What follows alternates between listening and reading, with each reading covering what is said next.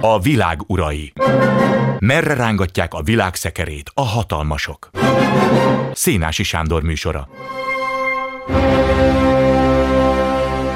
Jó estét kívánok! Kezelési útmutató a most következő beszélgetéshez, amelyet akkor vettünk még fel, amikor Prigozsin halála nem volt köztudott. A világ urai. Jó estét kívánok! Ma esti vendégünk Marsal Viktor, Afrika szakértő, a Migrációkutató Intézet igazgatója, Nemzeti Közszolgálati Egyetem adjunktusa. Jó napot kívánok! Jó napot kívánok!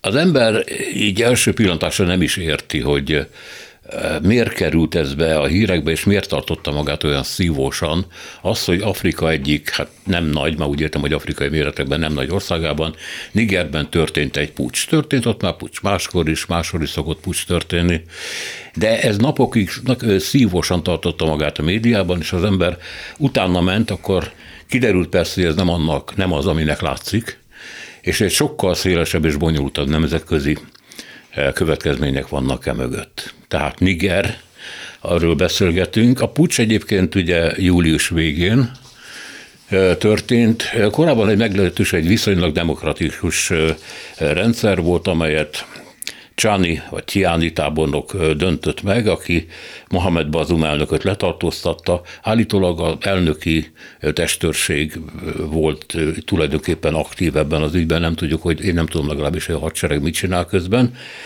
És hát azóta megy a cirkusz, francia ellenes és orosz párti tüntetések, de tegyük hozzá, már előtte Maliban, Burkina Faszóban is pucs volt, és ugyanúgy orosz támogatás, francia ellenes érzelmek. Mi ez? ahhoz, hogy valóban a kontextus megértsük, szerintem két szempontból érdemes visszamenni az időben, és általában a témában. Az, az egyik maga a száhelővezetnek a jelentősége, Afrikán belül is. Ugye sokáig, egészen az arab tavaszig, 2010-11-ig Európát nem nagyon érdekelte, hogy mi zajlik a szubszarai térségben, mert hogy a, az autoritár rezsimek Észak-Afrikában gyakorlatilag mindent megállítottak, ami a, a Szaharától délre esetleg megindulhatott volna és elérhette volna Európát ez az arab tavasszal megváltozott, Líbia egy nyitott kapuvá vált, de azt látjuk, hogy nagyon nagy a terhelés például az irreguláris migráció kapcsán Marokkon, vagy éppen Egyiptomon és Tunézián. Tehát innentől kezdve Európa nem csukhatja le a szemét, ami a Száhelben történik, akár jó, akár rossz dolog az elér Európát, és ez Európának a kiskertje. Itt nem Oroszország, nem Kína, nem is az Egyesült Államok fog ezzel szenvedni, ez igenis Európa érdek. A Száhel övezetről még mondjuk, hogyha valaki nem tudná, ez valóban egy övezet, ami Nyugat-Afrikától Kelet-Afrikáig ugye áthúzódik a Szahara déli részén, és az országai Mali, Szenegál, Burkina Faso, Etiópia, Szudán, Csád. Igen, és még sok egyéb ország. Ugye, ugye, ugye 11 ország, ugye itt megint eh, csak azért, hogy nagyon pontosak legyünk, a, a, mert a Száhel kapcsán ugye valóban ugye sokan még most a térképen keresgélnek, hogy hol is vannak ezek az országok. A, ugye itt van egy földrajzi egység, ami valóban az Atlanti óceántól az Ádenőbölig terjed, ami többé-kevésbé, vagy teljes egészében, vagy, vagy kisebb részben 11 országot érint, és ugye ez az, a, ez az átmeneti terület ugye a, a Szahara sivataga és a termékeny déli területek között, ahol zömében ugye nomadizáló lakosságot találunk, akik a, a vízhez közelebbi területek, hiszen itt vannak nagy folyók, lásd, a, a Niger folyó, amiről az ország is kapta, tehát itt azért öntözéses földművelés ö, megvalósítható. Politikai értelemben az, azonban a Száhel öt országot értünk, Mauritániát, Malit, Nigert, Burkina Faszót és Csádot, ugye ezek voltak a volt frankofon gyarmatok, vagyis francia gyarmatok, ahol francia a, a közvetítőnyelv jelenleg, és azt látjuk 2020 óta, hogy ez az a térség, ahol beindult egy politikai föld indulás. Ez kezdődött Malival 2020-ban, ugye a pucs hullám, követte Guinea, aztán Maliban még egy pucs, alig 9 hónapon belül, Burkina Faszóban is volt kettő pucs, ott 7 hónap volt a két pucs között, és most érte el ez a pucs hullám Nizsert, és miközben a, az alapok, hogy miért indulnak be ezek a pucsok, azért alapvetően különböznek, tehát Maliban egy nagy strukturális válságot látunk, egy elhúzódó dzsihadista és részben etnikai felkelést, amire a civil kormányzat nem tudott választ adni, és a hadsereg átvette az irányítást. Nizserben pedig alapvetően személyjelentétekről van szó. Ugye, Bocsánat, Nizsernek fogjuk mondani, vagy magyarosan Niger? Én Nizsernek, de mindenkinek jó, meghagyom, jó, hogy azt, mond, okay. azt használja, amit szeretne. Jó, Szerintem sem, sem, ezzel nem fogunk összeveszni. Tehát azt látjuk, hogy itt alapvetően személyi ellentétek voltak, Bazum elnök félre akart állítani az elnöki gárdának a parancsnokát, aki inkább megpucsolta. Tehát miközben a mozgatórugók az nagyon másak, az, hogy hogyan szervezik meg ezt a pucs, és milyen körítést raknak mögéjük, illetve milyen geopolitikai jelentősége van, az, az nagyjából azonos, mert igazából mindenki a mali rezsimnek a kottája alapján, vagy hát modus operandi alapján építi fel a pucsot, alapvetően katonai uralom van, megígérik, hogy majd átadják a, a civil irányításnak. Ugye Maliban erre történt is egy példa, ugye azért volt két pucs, mert a 2020. augusztusi pucs után a hadsereg még ugye eljátszott, hogy igazából akkor egy picit a civileknek visszaadjuk az irányítást, tehát nagyon hamar kiderült, hogy az, hát ezek, ezek a fránya civilek nem azt csinálták, amit a hadsereg szeretett volna, úgyhogy 2021 tavaszán félre is állították őket. Bur- Burkina Faso-ban ezzel már nem szórakoztak, meg Gínában sem, rögtön a hadsereg átvette az irányítást, és úgy látszik, hogy Nizserben sem. Ugye itt ilyen ígéretek szoktak elhangzani, hogy a, a hadsereg mikor adja át az irányítást. Ugye Mali esetében még egész türelmes volt a, a nemzetközi közösség, és itt ugye mindenki rögtön a nyugatra, meg a franciákra meg gondolt, de itt az ECOWAS, a Nyugat-Afrika államok gazdasági közössége volt, aki leginkább aggódik, mert láss csodát, pont az történt, amitől féltek, hogy ha beindul egy pucs, akkor abból nagyon könnyen pucs hullám lesz, és a, nem voltak olyan lelkesek a vezetők, hogy vajon ők mikor kerülnek sorra, tehát azért gondoljuk bele 15 tagállamból, ECOWAS tagállamból, most hát négyben. Ugye erőszakkal félreállították a vezetőket. És míg Maliban ott egész hosszú átmeneti időszakokat, majdnem másfél évet jelöltek ki, ezek az idő ablakok ezek szűkültek, hogy most a, ugye a nigeri hunta az egy három éves ajánlattal szállt be itt a pókerbe az asztalnál, nem hiszem, hogy ezzel önmagában sokáig fognak jutni. De abból mi igaz, hogy a hadsereg nem vett részt ebben a pucsban, hanem az elnöki gárda. Az elnöki gárda szeret pucsolni, mert ugye az elnöki gárda már ölt elnököt is. Igen, meg azért hát ezt látjuk, hogy az elnöki gárdák, akik mondjuk 2000 évig prétoriánusoknak hívtak, tehát ugye ápolnak, át akarnak, őriznek, de néha pedig nem annyira őriznek. A, ugye abból is látszik egyébként, hogy, hogy Nizserben alapvetően nem strukturális okok vezettek a pucsék, hogy a, az első 24-48 órában nem lehetett tudni, hogy most ez egy, ez egy elvetélt kísérlet lesz-e, mert a, a hadsereg kivárt. Tehát megtörtént a pucs, ugye Bazumon elnököt kvázi házi őrizetbe vette az elnöki gárda, és a hadsereg körbevette az elnöki palotát, és ott nem lehetett tudni egy ideig, hogy most akkor ők be fognak menni, és kiszabadítják az elnököt, vagy lett paktálnak a, a pucsistákkal, és végül az utóbbi forgatókönyv érvényesült. Részben egyébként itt valószínűleg hihetünk a hadseregnek, hogy azt mondta, hogy nem akar vérontást ugye a Nizserben, a fő, vagyis a Niameyben, a fővárosban, a másik oldalról meg a, a hadseregzőm az a Haus etnikum, etnikumból kerül ki, ugyanúgy, mint az elnöki gárdának a parancsnoka, ugye a mostani önmagát átmeneti elnöknek deklaráló Csiáni, Abdurrahman Csiáni, tehát, és szerintem úgy leboltoltak, akkor próbáljuk meg ezt, a, ezt az utat, reméljék, reméljük, gondolták, hogy majd valaki segíteni fog, úgy néz ki, hogy Mali, Burkina Faso valóban segít, előbb-utóbb valószínűleg azért az orosz szál is meg fog jelenni, sokkal hangsúlyosabban a történetben, mint, a, mint eddig, tehát ugye azért az, hogy orosz zászlókat lengetnek, ez nem jelenti azt, hogy ezt feltétlenül a Kremlből szervezték ezt a pucsot, bár az biztos egyébként, hogy Moszkva az elmúlt években szisztematikusan, nagyon átgondolt dezinformációs kampányban ami nem is mindig csak dezinformációt használtak, ásta alá a nyugati pozíciókat a Száhelben, és a lakosságnak különösen azon a rész, azon része, mert azért ne felejtsük el itt a, mondjuk a, a, a férfi lakosságnak körülbelül a fele az, aki írás tudó, írni, olvasni tudó, a, a női lakosságnak Nizserben körülbelül a negyede, és mondjuk az internet hozzáfér, és itt a 26 milliós lakosság esetében hát mondjuk a lakosság 15%-a körül van, tehát hogy a, az, hogy mondjuk Agades környékén, meg fönn a sivatagi területeken mit gondolnak, vagy egyáltalán eljutott-e hozzájuk a hír, hogy amúgy az elnök urat megpucsolták, és egy másik elnök úr van, ez egyáltalán nem biztos. Tehát itt alapvetően a nagyvárosoknak a közvéleményéről van szó. De az, azt alapvetően elég jól sikerült megdolgozni, nem, e, már volt nagyon sok francia ellenes tüntetés, ugye 2000 2021 végén volt, amikor egy francia katonai konvoj haladt át az országon, és akkor azt a, a nigeri lakosok megpróbálták megállítani, eh, máig tisztázatlan, de fegyverek is elsültek, emberek haltak meg, tehát ez, eh, ennek vannak előzményei.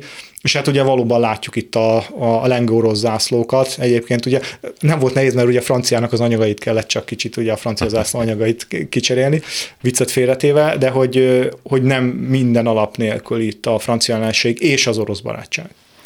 Az ember eh, nehezen látja be, hogy miért, mert ugye 1960 óta de facto független, 58-ban voltak a választások, szabad választások, és utána függetlenedett Franciaországtól. Hát persze úgy, ahogy ez a kolonializmus utótörténetében szokott lenni, tehát a jelenlét azért az, az megvan, és a francia jelenlét is megvan, meg a hatás, a befolyás nyilván.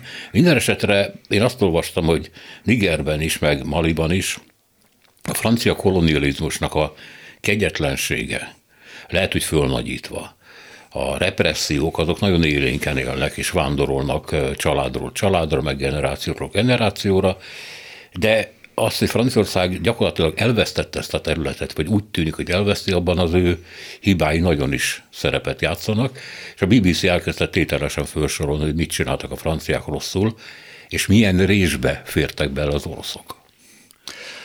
Igen, és nem. Tehát, hogy a, az egyik oldalról a, tehát a francia gyarmatosításnak az öröksége az mindmáig él ezekben a társadalmakban. Tehát ez, ez, ez tagadhatatlan. Azt is fontos aláhúzni, hogy a, a franciák nem csak óriási szívük miatt vannak jelen a térségben, tehát gondoljunk itt ugye Niger kapcsán ugye a, a most már Uránónak átnevezett cégnek ugye az uránért bányáira ott fönt Észak-Nizserben, ahonnan a, a francia urán felhasználásnak nagyjából a urán, bocsánat, urán importnak nagyjából évtől függően 20-30 százaléka származik, ami a teljes francia elektromos energia termelésnek azért nagyjából a 15 és 20 százalékát adja. Tehát itt azért vannak nagyon komoly stratégiai érdekek. Ez mindig az, de hogy azt is látnunk kell, hogy, hogy ha kicsit mélyebbre fúrunk, hogy például 2013-ban Maliban, amikor az ország az összeomlás szélén állt, és a dzsihadista csoportok csak nem átvették az irányítást, akkor mindenki azért könyörgött, hogy Párizs avatkozzon be, és a, a mali lakosság az francia hollandos pólókba várta az érkező francia csapatokat, akik valóban megmentették az országot az összeomlástól. Ugye a, a dolog pikantérje egyébként épp az, hogy, és ezt nyilván Franciaország nem deklarálja, de hogy azt látjuk, hogy hát volt egy Maliban egy pucs, aminek az lett a vége, hogy a franciákat kitették, és azért olyan nagyon nagy ellenállást a franciák nem fejtettek ki, jött Burk, Burkina Faso, ahol megint azt látjuk, hogy a, a franciák nem avatkoztak be katonailag, hanem kirakták őket, és ugye most Nizserben is azt látjuk, hogy ott volt 1500 francia katona, és ők azért nem logisztikusok voltak, akik nem tudom, repülőcsavarokat szerelnek, hanem azért a légideszant és a, a, a francia idegen légő erői, akik ott az első 24 órában valószínűleg elbillentették volna ezt a pucsot, ha nagyon akarják, vagy ha kapnak erre utasítást, ők lehet, hogy akarták volna, de erre nem jut utasítás, és ugye a sort azért még ki kell egészítenünk a közép-afrikai köztársasággal, mert igazából ez volt az első olyan ország, amit Párizs átengedett a Wagner csoportnak. Tehát ez, ez nem most fogjuk felfejteni, hogy, hogy mik a francia érdekek, de egy picit az látszik, hogy a francia vezetés hátrébb lépett, nem használja a katonai erőt, tíz éve háborúznak a Száhelben, ez óriási teher a védelmi költségvetésen, ez a háború nem túl népszerű Franciaországban, és nem, az látszik, hogy nem népszerű a térségben. Tehát, hogy a, a, a francia erőfeszítések ellenére a mali lakosság ugye alig várta, hogy menjenek, és várta ugye a Wagner csoportot, hogy majd ők meg fogják menteni a helyzetet, ők se fogják. Tehát a, az, hogy itt a, a franciák újra gyarmatosítanak, ezt, ezt, ezt épp hogy nem látjuk, mert akkor egy masszív katonai beavatkozás kellene, hogy történjen a térségben. Ez most nem látszik. Hát akkor finomítsunk és mondjuk azt, hogy azért az a kormány, amelyet Maliban megdöntöttek, az egy francia barát kormány volt, tehát azért a franciáknak fontos volt, hogy velük szövetséges erők legyenek, és utána, amikor megtörtént a pucs, akkor visszavonták a francia csapatokat, de Nigerbe. És állítólag a BBC azt mondja, ez volt a nagy hiba, mert Nigerben pontosan olyan francia ellenes érzelmek vannak, és a francia hadsereg, hát itt 3-4 ezer emberről van szó, tehát nem óriási alakulatokról, bevonulása, az segített abban az orosz propagandában, hogy újra gyarmatosítás történik. Igen, ez fontos, de hogy ez, ez alapvetően narratíva. Tehát, hogy a, és ugye a Mali kapcsán is nagyon fontos aláhúzni, hogy 2020. augusztusában van a pucs, Ugye érdekes módon az első pucs után Párizs is nagyon óvatosan fogalmaz. És alapvetően szóba áll az új vezetéssel, azt kérik, hogy a civilek jelenjenek meg a kormányban. Ugye megint, megint az ördög a részletekben ugye miért? Mert ugye Ibrahim Boubacar Keita elnök ellen már gyakorlatilag fél éve zajlanak a demonstrációk Bamakóban. Pont a rossz biztonsági helyzet miatt, meg a rossz gazdasági helyzet miatt, meg amúgy elnök úr már hát nem sok józan pillanata volt azokban az időszakokban, finoman fogalmazva. Ugye megint csak ugye elemzők arra mutatnak rá, hogy melyik volt az a civil erő, ami úgy tűnt, hogy átveszi az ország irányítását. Ez a Mahmoud Dikóhoz kötődő, alapvetően iszlamista, mérsékelt iszlamista csoportok, de a politikai iszlámot követő csoportok voltak, akiknek azért az látszik, hogy kapcsolatai voltak, meg vannak azokkal a dzsihadista hardcore csoportokkal, akik az ország észak és középső területén tevékenykednek.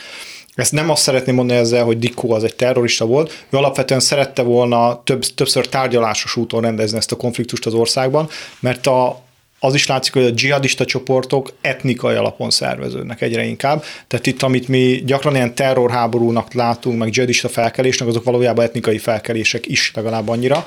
De hogy ez, ettől azért sokan féltek az országban, és az országon kívül is. Tehát Párizs valószínűleg megkötötte azt az egyességet ott áttérben Eszemi Golyta tábornokkal, hogy jó, vegyétek át az uralmat, mert nem szeretnénk iszlamista vezetés Bamakóban. A, a mali lakosság jelentős része sem volt annyira lelkes ettől a forgatókönyvtől, eh, már hogy iszlamista vezetés az országban, de majd szép lassan ez kerüljön át egy civil kormány kezére.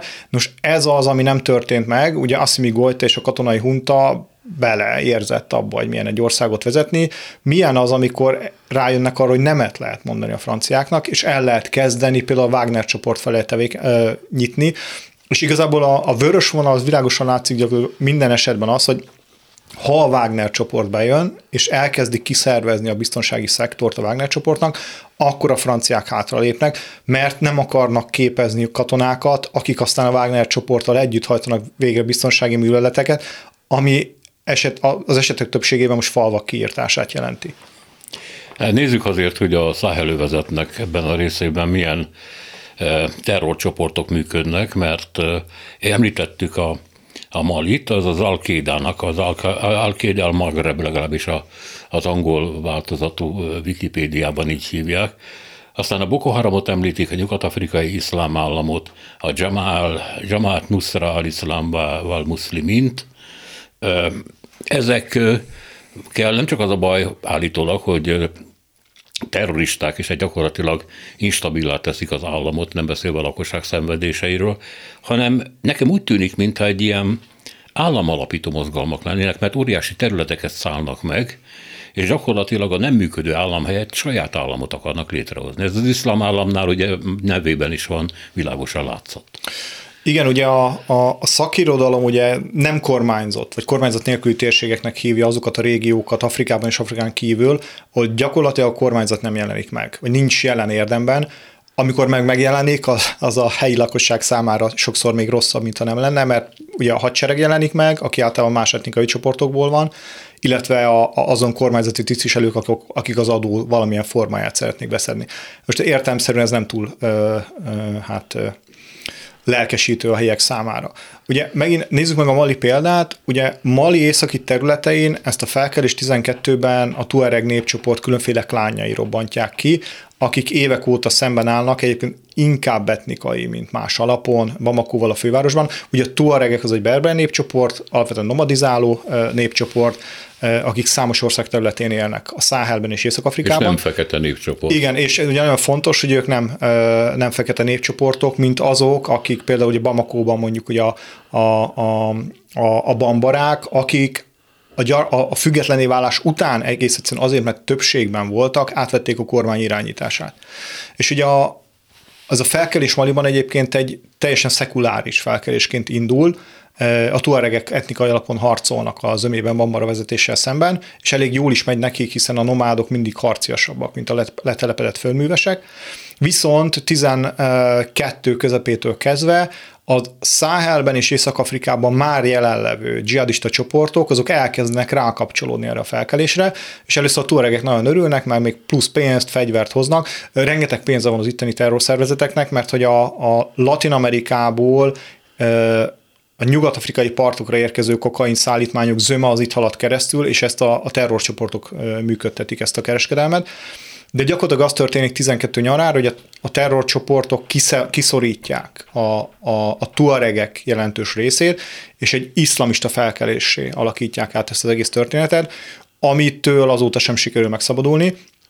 A, ugye a térségben most alapvetően két nagy ernyő szervezet működik, ugye az egyik a Jamatan Nastal Islam wal Muslimin, ami az Al-Qaidához kötődik. Ugye ebben, na, ugye ez, ez nem bonyolult történet, nem fogom a, a hallgatókat untatni ezzel, de például a, az al az iszlám Magrebben ennek az egyik része, több más egyébként dzsihadista csoport, aki az Al-Qaidának, al vezetésének esküdött hűséget csatlakozott ehhez, és ezzel szemben áll ugye a, a nagy szaharai iszlám állam szervezete, akik pedig ugye az iszlám állam vezetésének esküdtek hűséget, és a, ugye az látszik, hogy Maliban főleg a, a, a GNIM, tehát az Al-Qaida network tevékenykedik, a, az iszlám államhoz kötődő csoportok pedig Malinak a, a, a nagyon keleti részén, Burkinában és Nigerben gyakorlatilag csak ők vannak jelen. Most ugye a jó hír a történetben az, hogy ezek a szervezetek egymással is harcban állnak, tehát amikor azt olvassuk, hogy mondjuk a Száhelben 6000 ember halt meg a dzsihadisták miatt tevék, harcokban 2020-ban, ez, ennek nagyjából a 10-15 százalék az a csoportok közti erőszak eredménye. Tehát dzsihadista öl dzsihadistát, sajnos nem nagy magasabb ez az arány egyébként, mert akkor sokkal egyszerűbb dolgunk lenne, de az látszik, hogy valóban ezek a csoportok ö, kitöltik a teret, kihasználják azokat a csoportsérelmeket az etnikai csoportok között, amik már megvannak, Például ugye a legnagyobb népcsoport, akit most sikerült bevonniuk ebbe a küzdelembe, az a fuláni népcsoport, akik valahol félúton vannak a tuaregek és a, a déli fekete bambarák között, akik szintén nomádok, és akik szintén elhanyagolva érzik magukat, és akik Mali, Burkina és Niger területén is élnek. És ugye az látszik, hogy ott a hármas határ térségében jó részt a fuláni népcsoportra alapozva, rengeteg fegyvert juttatva a kezükbe, elkezdték kiépíteni a bázisukat ezek a csoportok, és most mostanra gyakorlatilag ez, ezt a Liptako Gurma régiónak hívják, ezt a Niger, Mali, Burkina Faso hármas határól levő, hát 6-7 magyarországi területről beszélünk egyébként, tehát ez gyakorlatilag egy, egy no zóna lett, egy hatalmas no zóna mindhárom ország hadserege számára, és itt a, a dzsihadisták azt tesz, csinálják, hogy bizonyos közösségek patronázsaként megjelennek, megvédik, ő, megvédik őket idézőjelben a hadsereggel szemben, megvédik őket, és ez a fontosabb, mondjuk a szemben álló más etnikai csoport, mondjuk a dogonok, vagy más bambarák, vagy, vagy más arabok, vagy más tuarek lánokkal szemben, vagy más fuláni alágakkal szemben. Cserébe ezek a csoportok adóznak nekik, fiatalokat küldenek a hadseregükbe, jelentik nekik, hogy ha látják, hogy az ellenség, legyen a franciák, vagy épp a mali kormányőrök megjelennek, és valóban ezek kormányzatot működtetnek, nagyon brutális kormányzatot, de ez a kormányzat, és már 13-ban is sajnos ez látszott egyébként, a, a, amikor Észak-Malit elfoglalták a, a, az iszlamisták, hogy bármilyen kegyetlen is ez, de ez a kormányzat működik, ez a kormányzat kiszámítható, ha valaki betagozódik, akkor még szolgáltatásokat is nyújt, bíráskodást, ami előtte nem létezik, hanem csak a közszabály létezett előtte, nagyon sokszor minimális ö, ö, oktatást a madraszákban, ami az esetek többségében persze agymosás jelent, de akkor is van. Sőt, azt is látjuk, és egy picit ugrunk egyébként ugye a, a Csád medencébe, ugye Ugye most Nizsernek ugye most jelenleg ugye a, a dél-nyugati részén járunk, ha átugrunk a, a, a dél-keleti részébe, ott találjuk ugye a, a Csád-medencét, ahol, ami meg a Boko Haramnak és a, a, a másik nagy gócpontja a dzsihádnak a száhelben. Ott, ott sokszor azt láttuk, hogy az első nagyon minimális egészségügyi szolgáltatást, az bizony ezek a dzsihadista szervezetek nyújtották a helyi lakosságnak, mert legalább például gyógyszert vittek a helyieknek, és ugye itt Európa szívében ezt nagyon nehéz elképzelnünk, de ugye, hogyha ha nincs például antibiotikum, akkor a legegyszerűbb betegségekben is nagyon könnyen meg lehet halni. És az, hogy egy antibiotikum eljut a, a helyi közösséghez, az, hogy a gyerekeknek gyógyszert lehet adni, ez, ezzel egy-egy falut, képzeljük el, mondjuk a falufőnöknek a, a, a kisgyereke haldoklik egy vérmérgezésben, megérkezik oda a tetuniszinekció, és megmentik az életét, ezzel a falu az elkötelezett, lekötelezettje lesz a dzsihadistáknak. És a rendszer sajnos így működik most Afrika nagyon sok részén. Hát egyébként állítólag a a muszlim testvérek is így működtek Egyiptomban, tehát ez a párhuzamos állam kiépítés, ami szociális állam volt, tehát ők iskolákat működtettek, idős otthonokat, kórházakat, ezt nem úgy kell elképzelni persze ilyen európai méretekben, hanem ilyen földes padlójú üzékben. De mégiscsak ott voltak az orvosok, ellátták az embereket, mert ugye nehéz megérteni, hogy miért szavaztak az arab tavasz idején, oly nagy mértékben a, a Muslim Brotherhoodra, hogy még az elnököt is ők adták, és aztán ugye a Sisi tábornok egy katonai puccsal zavarta el őket. Így van, tehát hogy a, ugyan nincshez képest a valami, az, az óriási különbség. És ugye megint csak, tehát, hogy ugye nagyon sokszor látszik az, hogy a, a helyi népcsoportok rájönnek arra, vagy a helyi vezetés rájön arra, hogy úristen, nem ilyen lovat akartam magamnak, de utána ezen nagyon nehéz változtatni.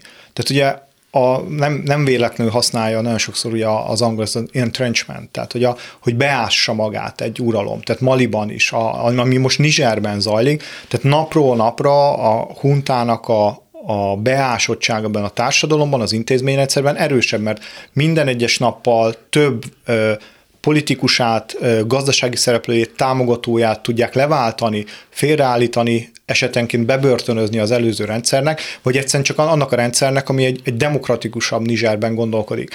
És a, bocsánat, hogy ehhez vagy tegyek hozzá valamit, mert tudom, hogy, hogy itthon is, meg, meg mindenfele egyébként ugye a, ez a demokrácia, meg demokrácia export ugye nagyon rosszul cseng, különösen az iraki és afganisztáni hát, próbálkozások után, de azért azt, azt nagyon fontos világosan látnunk, hogy a, az afrikai társadalmakban, ha, ha megnézzük a, az igényeket a demokráciára, az, hogy és ugye nem azt kérdezzük meg, hogy szeretnétek-e demokráciát, vagy nem, persze szeretnénk mi az, hanem ugye a közvéleménykutatások, például az Afrobarométer rendszeresen alkalmaz, ugye azokat a kérdéseket teszik föl, hogy mondjuk az elnök urat hányszor, hogy önök szerint kell-e kor, korlátozni, hogy az elnök úr hányszor indulhat a választásokon, fontos-e önöknek, hogy plurális legyen a sajtó, stb. stb.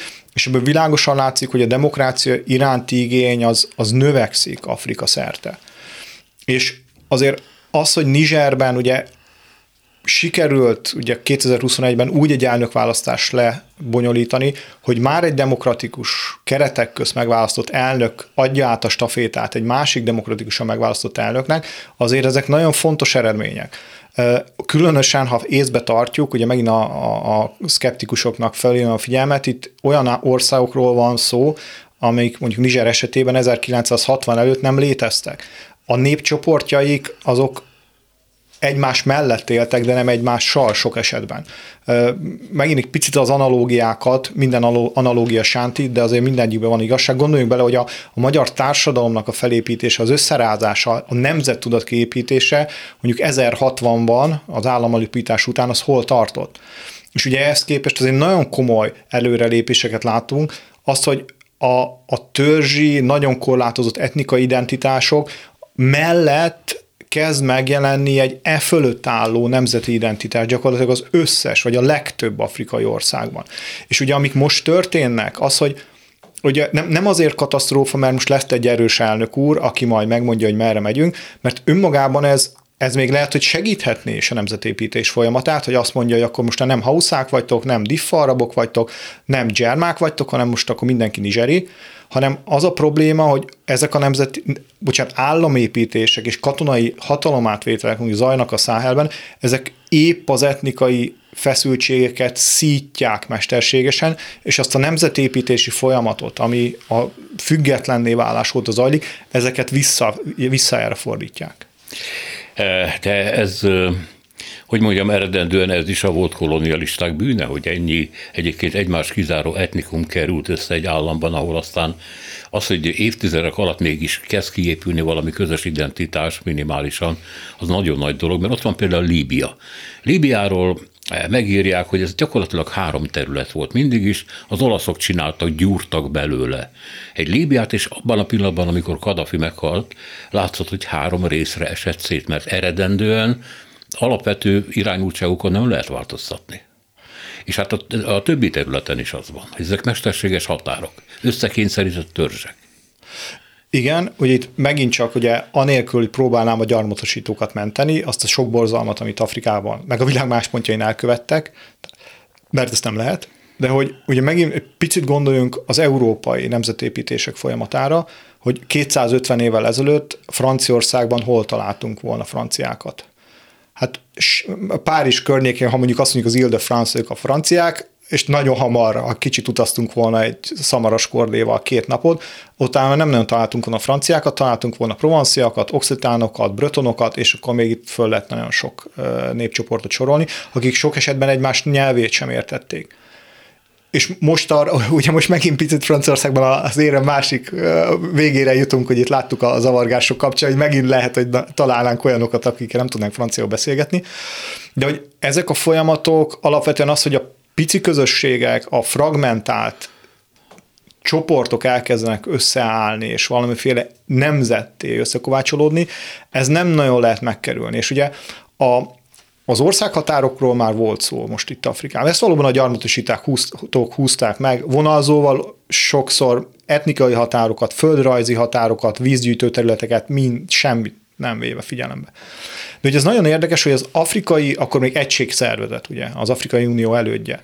És az afrikai vezetők, amikor fölmerült ez a kérdés a, a nagy dekolonizációs hullámban, a 60-as években, hogy most mit csináljunk? Hogy húzzuk-e újra a határokat, vagy próbáljunk meg ezen keretek közt nemzeteket építeni, hogy ők megnézték az afrikai realitást, és a realitás az, hogy ugye most ki akar nagyobbat mondani, hogy 1000, 2000 vagy 3000 nyelv van a kontinensen, nagyjából ennyi népcsoport, aki elkülöníthető egymással, mit lehet csinálni? Tehát akkor osszuk fel a kontinens mondjuk 3000 vagy maradjunk középen ugye az arany köz, 2000 államra, ráadásul olyan térségekkel együtt, ahol ezek, ezek az egymással élnek, egymás mellett, egymással szimbiózisba, tehát egy szét se lehet válogatni, és ugye hát lehetett volna ezt választani, az ensz a New Yorki székházát valószínűleg ki kellett volna bővíteni, és az összes szavazást Afrika nyerte volna, de ugye az afrikai vezetők azt mondták, hogy nem, mert ez, ennek a folyamatnak nem lesz vége,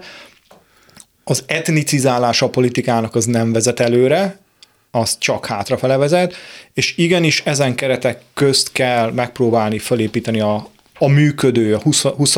aztán majd 21. századi Afrikán, és az látszik, hogy nagyon kevés példától eltekintve, tehát itt az Eritrea elszakadása Etiópiától, vagy a Dél-Szudán leválása Szudántól, nem, nem nagyon merik bolygatni ezeket a határokat, mert véget nem érő folyamat indulna el, az is látszik, hogy, hogy et a, ez a politika etnicizálásához vezetne, és ahol ezzel játszanak a, az elitek, ott, ott az látszik Szomália kapcsán, de gondoljunk most Etiópiára, ami, ami egy 20 éven keresztül egy nagyon működő és életképesnek tűnő afrikai nagyhatalom, hát mondom, volt, talán, mert meglátjuk. Tehát amint ez a folyamat elkezdődött, most azt látjuk 2020-ban egy polgárháborúba sodródott bele, és eh, ha figyelik a, figyeljük a mostani eseményeket, ez még korán sem biztos, hogy véget ért. Nézzük akkor, hogy a franciáknak miért nem sikerült pacifikálni ezt a dolgot, hiszen, ahogy ön is mondta kezdetben, az ő fellépésük az Alkaida ellen az sikeres volt, tehát akkor még az emberek üdvözölték. 2012-ben ugye a Mali kormány behívja, hát ezeket a behívásokat ismerjük, de valóban megjelennek a franciák, több ezer katonáról van szó, nem megint nem nagy hadseregről, és akkor 2014-ben folyik, vagy indul ez az Operation Barkhane, ugye? Amit 5100 katonával, de hát ezek nagyon jól kiképzett és fölszerelt katonák, légideszantosok, ugye, ahogy mondta. De nem, nem, nem tudnak elérni sikert. Miért nem? Igen, ugye itt a, megint érdemes szem előtt tartani, tehát hogy a, a, a bárkán művelet ahol zajlik, és ugye ahogy regionalizálódik Maliból kiindulva ez a konfliktus Burkinára, aztán Nigerre átterjedve, tehát úgy nő az a térség, ahol a problémák vannak. Ugye most összeadva ezt a területet, nagyjából 6-7 magyarországi térségről beszélünk, 700 ezer négyzetkilométerről. Ugye ez óriási, és hát ugye ez a dandár erő francia jelenlét, ez nagyjából ez akkor ez az 5000 fő, tehát az látszik, hogy Párizs ennyit volt hajlandó áldozni a régióért, mm-hmm. és az is látszott, hogy a, a francia műveleti tempó azért az, az nem az, amit mondjuk a hollywoodi filmekből elképzelünk, hogy a katonák megállás nélkül mennek. Egész egyszerűen azért, mert és legyen szó Francia Hollandról, vagy Macronról, a, a hazaérkező trikolóros koporsókra a francia társadalom érzékeny. És nem lehetett akármennyi koporsót hazavinni. Azért így, így is voltak a franciáknak nagy vesztesége, ugye a, a legnagyobb az ott két helikopter összeütközött lesz, hogy 17 katona halt meg csak ott, ugye majd 60-an haltak meg egyébként a műveletben, és egész egyszerűen az látod, hogy a franciák nem akarnak elnél nagyobb erőfeszítést tenni a stabilitás érdekében, viszont ez kevés.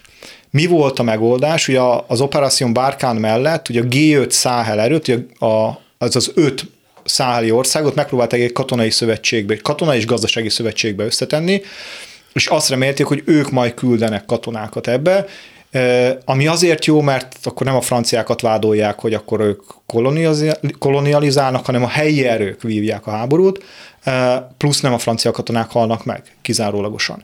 Na most erről viszont kiderült, hogy vannak olyan szereplők, például Mali, akik számára fontosabb volt, hogy Bamakóban a húsos fazekak mellett kikülnek, és kik ellenőrzik az ország pénzügyi javait, gazdasági javait, mint hogy az északi, alapvetően távoli eső és gazdaságilag önmagában nem értékes területeket ki ellenőrzi. Tehát ebben a, az afrikai vezetőknek és egyébként a mali vezetésnek masszívan benne van a kez, hogy nem sikerült ezt megírni. Csak egy, megint csak egy tényt szeretnék a, a, a hallgatóság figyelmébe ajánlani, Ugye 2021 végén, mikor Bamakóba jártam, ott volt szerencsém beszélgetni egy európai katonai attaséval, és megkérdeztem tőle, hogy, hogy miért nem sikerül a famának, a mali hadseregnek eredményeket elérnie itt a küzdelemben. És mondta, hogy azért, mert akkor már két éve nem toborzott a fama új harcosokat. Egész egyszerűen a Bamakóban ülő vezetést nem érdekelte, hogy az ország északi területein, Kidál környékén, Gao környékén mi zajlik, mert az Tuareg terület, meg arab terület, az az ő bajuk, hogy ott mi zajlik. Egy picit az ország középső területein, ahol a fulánik okozták a problémát, arra jobban odafigyeltek, de alapvetően a Bamako környékén koncentráló gazdaság, koncentrálódó gazdasági érdekeket nem érezték annyira fenyegetetnek, hogy ezért komoly katonai lépéseket tegyenek. És innentől kezdve viszont, mikor már nagyon égett a ház 18-19 környékén, akkor pedig már késő volt. És ugye ebben egyébként ugye Franciaországnak is valóban van egy ö, nagy sara a mulasztása, hogy Párizs nagyon későn ismerte azt fel, hogy a, a helyzetkezelés az kicsúszott a kezéből, Ugye ekkor indult volna meg, miután ugye az afrikai száhellerők bevonása az nem nagyon sikeredett, a missziónak egy ilyen európai kiterjesztése, hogy a Takuba harci kötelék kapcsán, amivel ész, cseh, svéd, dán és magyar katonák is érkeztek volna. Ugye 2019 végén 20-ban indul a művelet, és ezt folyamatosan szerették volna felfuttatni, igaz a 22 elejére állt volna ez össze, de addigra a pucsisták azt mondták az európaiaknak, hogy köszönjük szépen, itt az ide, hogy távozzatok. És ugye még egy dolgot érdemes említeni, hogy a, ugye az ENSZ-nek is egy óriási, ugye több, majdnem 13 ezer fős művelete volt az országban, ez jóval nagyobb, mint az a francia 5 ezer fős, de ezek felkészültségében, ugye az ömében afrikai katonákról van szó, ellátottságban, tehát helikopterek, nem voltak képesek stabilizálni a helyzetet, és ugyan, ugye ilyen mm, sitting ducknak, tehát ilyen otthonülő kacsáknak hívta a mali lakossága az enszeseket, mert azt mondta, hát ezek csak a táborban vannak benne, és ki sem mernek onnan jönni, úgy ugye nagyon nehéz megvédeni a helyi lakosságot. Szóval eh, kialakult egy nagy csalódás a franciákkal szemben, de mi magyarázza az oroszok iránti terjedő bizalmat, az orosz zászlók lengetését, és mi magyarázza a Wagner zsoldosoknak nem is a sikerét, mert nem hiszem, hogy a Wagner zsoldosok elkezdtek harcolni az al ellen, mert ugyanoda jutottak volna, mint a franciák, hanem a, a növekvő bizalmat irántuk. Igen, itt, itt három tényezőt említhetünk meg, tehát az egyik, hogy a messziről jött ember mindig azt mond, amit akar.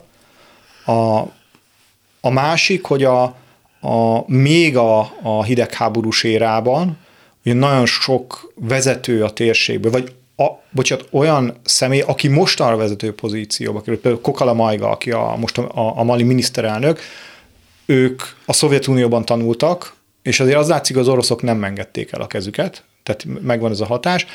És a, a, a harmadik pedig az a, az a nagyon átgondolt, már említett dezinformációs, meg általában információs kampány, amivel a Krám 2014 óta szisztematikusan dolgozza meg ezt a térséget, Twitteren, Facebookon, filmek kapcsán, tehát itt a közép-afrikai köztársaságban levő orosz szerepvállalásról itt Oroszországban filmek készültek, hogy az orosz katonák hogyan kelnek fel a, a lázadók, hogy hogyan harcolnak a lázadókkal szemben, és védik meg ugye a, az ártatlan közép-afrikai köztársasági lakosságot, és ezt az oroszok nagyon ügyesen csinálták, és ugye valóban az látszik, hogy a, a, ennek az egésznek az árnyoldala, hogy azért az oroszok ezért kérni fognak valamit. Sőt, tehát azért itt egy stratégiai rivalizáció van, és ugye még egyszer mondom, ugye Oroszországnak nem fáj az, ami itt történik. Tehát az, hogy a, a, azért egyre több jel mutat a felé, hogy a Wagner csoport nem csak, hogy pénzt szerez például az irreguláris migrációból, hanem szisztematikusan gerjeszti ezt Európa fele, ez, ez, ez látszik. Mert ugye Oroszország nem érdeke, hogy stabilizálja ezt a térséget, amit lehet pénzügyileg innen, azt ki fognak menteni, tehát a Wagner csoport ezt zseniálisan csinálja, gyémánt, arany, egyik bányászaton keresztül, de ők nem azért vannak ott, hogy, hogy segítsenek, és ugye ezért mások mondjuk a franciákhoz, vagy az európai hatalmakhoz képest, mert nyilván minden szentnek maga felé hajlik a keze, de az európai hatalmak számára teljesen egyértelmű, a Száhel fölrobban, akkor ez egy európai probléma. Ez azt jelenti egyébként, hogy gyakorlatilag orosz befolyási vezet lesz? Ez a terület? Most már nagyon közel vagyunk ehhez, de gyakorla, gyakorlatilag ez, ez megtörtént. Tehát Mali Burkina esetében ez egyértelmű, a nigeri hunta is nagyon keresi a szálakat a Kreml fele, és ha, ha mondjuk öt év múlva már nem is azt fogjuk látni, hogy itt orosz zászlók lengenek, mert azért látszik az, hogy egyre több többeknek koppan a pénzérme, hogy, hogy ez nem biztos olyan jó választás volt például Mali esetében, de úgy nagyon nehéz lesz az oroszokat innen hát kiszorítani. Van egy szervezet, ez a Nyugat-Afrikai Regionális Blokk, nem tudom, hogy jól fordítom, a ECOWAS-nak hívják. Igen, Nyugat-Afrika államok gazdasági közössége, igen. Közösség. Amelyik a pucs után leült az egyébként házi őrizetben levő volt Bazum, volt elnöke Bazummal, és leült a Csánival is. És a Csáni ott is mondta, hogy ó, csak három év és már. Itt mindenki civil lesz, meg én is. És azt mondták, hogy amennyiben ez a helyzet nem változik, akkor a Nyugat-Afrikai Gazdasági Közösség kitűz egy D-date, egy olyan napot, amikor partra szállnak, nincs partra szállni, mert ugye nincs tenger, de hogy be fognak hatolni, és megdöntik a katonai uralmat. Mennyire vehető ez komolyan? Igen, ugye az látszik, hogy gyakorlatilag a pucs után másfél héttel már az ECOWAS adott egy egyhetes határidőt a huntának, hogyha ez, nem, ez lejár és nem engedik vissza a civil kormányzatot, akkor akár a katonai beavatkozás is azt marad. Most egy picit az látszik, hogy a, a felek egy olyan licitálós játékba mentek be, ahonnan mindenkinek elég nehéz kiszállnia. A, Ugye az ECOWAS meg akarja akadályozni a pucs hullám folytatódását, mert ennek beláthatatlan következményei lennek, lennének, úgy gondoljuk bele, hogy a négy országban történt az meg, hogy a hadsereg egyszer csak gondolt egyet, és átvette az irányítást. Azért ismerve Afrika 60-as, 70-es évekbeli történetét, ez nem túl jó precedens. És ugye az is látszik eddig, hogy ennek azért olyan nagyon nagy kára nem lett, és minél többen vannak ennek, ebben a klubban, annál kevésbé lesz, hiszen például hiába vannak gazdasági szankciók mondjuk jelenleg Nizserrel szemben ö, életben, voltak Malival szemben is, de például Mali Gíneával közös határszakaszán ezek egy részét ki tudta játszani. Tehát, és minél többen vannak benne, annál egyszerűbb lesz ezeket a szankciókat ö, kijátszani. Ö, a realitásoknál maradva, ugye az ECOWAS egy, megint csak egy dandár, tehát nagyobb 5000 főnyi erő mobilizációjában gondolkodik. Ugye a nigeri hadsereg, amit a részben az európai, részben az amerikai erők képeztek ki az elmúlt majdnem tíz évben, itt egy 40 ezeres haderőről van szó, és ráadásul ugye Mali meg Burkina Faso is belengedte, hogy ha az ECOWAS bevonul, akkor ők meg ugye a Mali hunta támogatására fognak katonákat küldeni. Ugye szimbolikusan egyébként azt a pár repülőgépüket, ami föl tudott még szállni, azt átküldték amelybe senkinek nem ajánlanám, hogy megpróbáljon repülni azokkal, de átküldték. Tehát nagyon kicsi esélyt látok most már, így lassan közeledve a pucs egy hónapos évforduló, egy hónapos hát még nem évforduló, hogy mondjuk ezt, e, egy hónapos, egy hónap alatt pucs után, hogy, hogy egy katonai intervenciónak van esélye, Azért is egyébként, mert a, ugye Nizserben most nagyjából 2500-2600 francia nagyjából 1600 francia, 1000 amerikai katona, és még valamennyi német is olasz állomásozik, és se Párizs, se Washington nem tűnik túl héjának ebben a történetben, sőt egyre óvatosabbak a nyilatkozatok. Ugye, a, amit tetszett említeni, ez a három hónap, három éves civil uralom átvétel, egy picit az tűnik, mintha most akkor be, beindulna az alkudozás, hogy akkor ezt meddig lehet le szorítani, addig, hogy Csiáni is azt mondta, hogy jó, megmaradok a pozíciómba, és az ECOWAS is azt mondta, hogy na, megkaptuk az ígéretet, és a nagy esküle lett téve, hogy itt nem tudom, ugye három év ez nagyon magas szám, mondjuk ezt szerintem egy évre lehet, hogy leviszik a játékosok, és akkor mindenki azt mondhatja, hogy hú, megúsztuk, nincs katonai intervenció, és egy év múlva visszatér a békés, a stabilitás és a demokrácia Nizserben, és aztán majd egy év múlva meglátjuk, hogy ebből mi fog megvalósulni legalább a katonák tudnak kormányozni, mert ha már ekkora a baj, akkor ne az legyen, mint mit tudom én 1949-ben Magyarországon, hogy a párthoz hű, de egyébként tökéletesen képzett emberekből lettek gyárigazgatók. Nem, a hadsereg nem tud kormányozni, sajnos ez teljesen világosan látszik Mali és Burkina Faso kapcsán.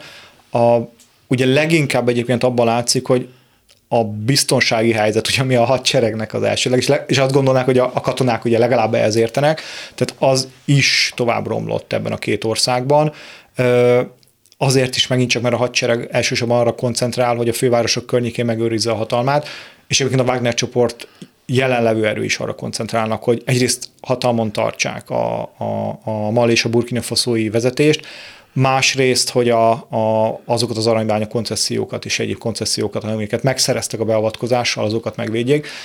Tehát nem látjuk ezt, és ugye különösen Niger kapcsán azért, tehát egyrészt ugye átlagember is fölmerül, hogy, hogy a, hát a biztonsági helyzet romlott, akkor az a hadsereg, aki eddig nem tudta megakadályozni, hogy romoljon, ha ők veszik át az irányítás, akkor miért lenne ez jobb a helyzet, hiszen eddig se tudtak a csatatéren nyerni, attól, hogy ők ülnek a parlamentben, vagy a kormányzói palotában, vagy az elnöki palotában, bocsánat, ez nem biztos, hogy változni fog.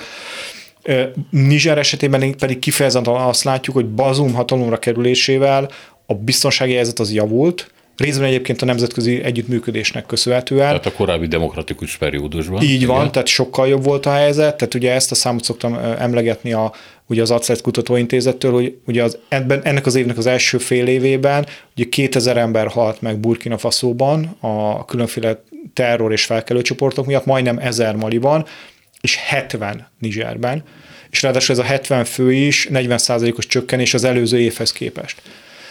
Plusz ugye Bazum elnök is nyilván nagyon szegény országokról van szó, de alapvetően a gazdasági helyzetet is egy koronavírus járvány után gazdaságilag kivérzett, egy élelmezés biztonsági igazából globális válsággal tetézett helyzetben meg tudta nagyjából tartani Nizserben.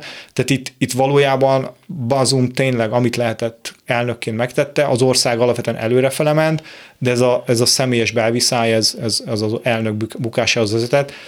És még egy számot szem érdemes itt szem előtt tartani, amit gyakran el szoktunk mondani szakértőként, hogy a, a nigeri költségvetés 40%-a az a nyugati donoroktól származott, majdnem 2 milliárd dollár évente, ami a GDP-nek is több mint a 10%-a. Ugye ezt most befagyasztották, ugye 4 millió embert látott el, láttak el a külső segélyből, a 26 millió lakosból, tehát ugye ez, ez egy nagyon nagy hazárjáték a hunta részéről, hogyha fölrúgja ezeket a megállapodásokat, mert sem Oroszország, de én megkockáztatom, hogy Kína sem fogja ezt, ezt a, az űr kitölteni. Sőt, ugye egyébként, ami nagyon érdekes, hogy a, a kínai vezetés több projektet is leállított most a, a, a pucs után az országban.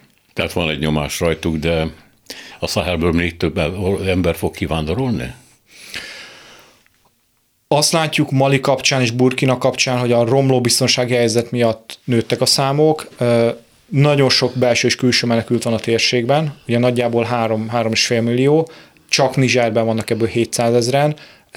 Hogyha nem sikerül gátat szabni az erőszaknak, akkor ők el fognak jönni, és az látszik egyébként, hogy a pucsóta, például a terrortámadások száma nőtt Nizserben, mert nyilván a hadsereg nem koncentrál most a, a ezekre ugye a no-go zónákra, ahol a dzsihadisták szabadon tevékenykednek, és ugye ami, ami nagyon fontos, ugye ilyenkor mindig, nem csak a, a társadalom legtörékenyebb részeire kell, meg legszegényebbeikre, mert ők zömében, hogy ki sem tudják fizetni az utat, hanem azt, ami például Mali kapcsán is látszott, hogy az a középosztály, aki abba bízott, hogy az ország az előre fele fog menni, hogy a demokratizációs folyamat zajlani fog, hogy egy nyitottabb társadalom felé mennek, ő fog majd lábbal szavazni és elindulni Európa fele.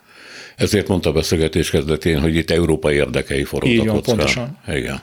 Mennyi emberről beszélhetünk? Ugye egy az, részük fönn fog akadni majd Északon, Líbiában. Így van, egész biztosan, de ugye az látszik, hogy például Niger kapcsán még négy-öt évvel ezelőtt is az érkezés számok azok nem minimálisak voltak, most már éves szinten tízezeres számokat látunk mozogni, és Niger kapcsán is, Niger és Burkina Faso gyakorlatilag nem látszott a statisztikákban még két évvel ezelőtt sem. Ugye már most még nagyon alacsony pár ezeres számokkal már elkezdenek megjelenni. Most ha a helyzet tovább romlik, akkor, akkor ezek föl fognak küzdeni a tízezeres számra, és akkor ez még tovább tud nőni. Hát szó szerint a katonák orosz rulettjéről van szó Igen. ebben a térségben. Köszönöm szépen, hogy itt volt nálunk. Én is köszönöm szépen. Marsai Viktor Afrika szakértő, a Migráció Kutatóintézet igazgatója, a Nemzeti Közszolgálati Egyetem adjunktusa volt a vendégünk. Még egyszer köszönöm. A műsort Selmec János szerkesztette, a műsorvezető Szénási Sándor volt. Köszönjük a figyelmüket, minden jót!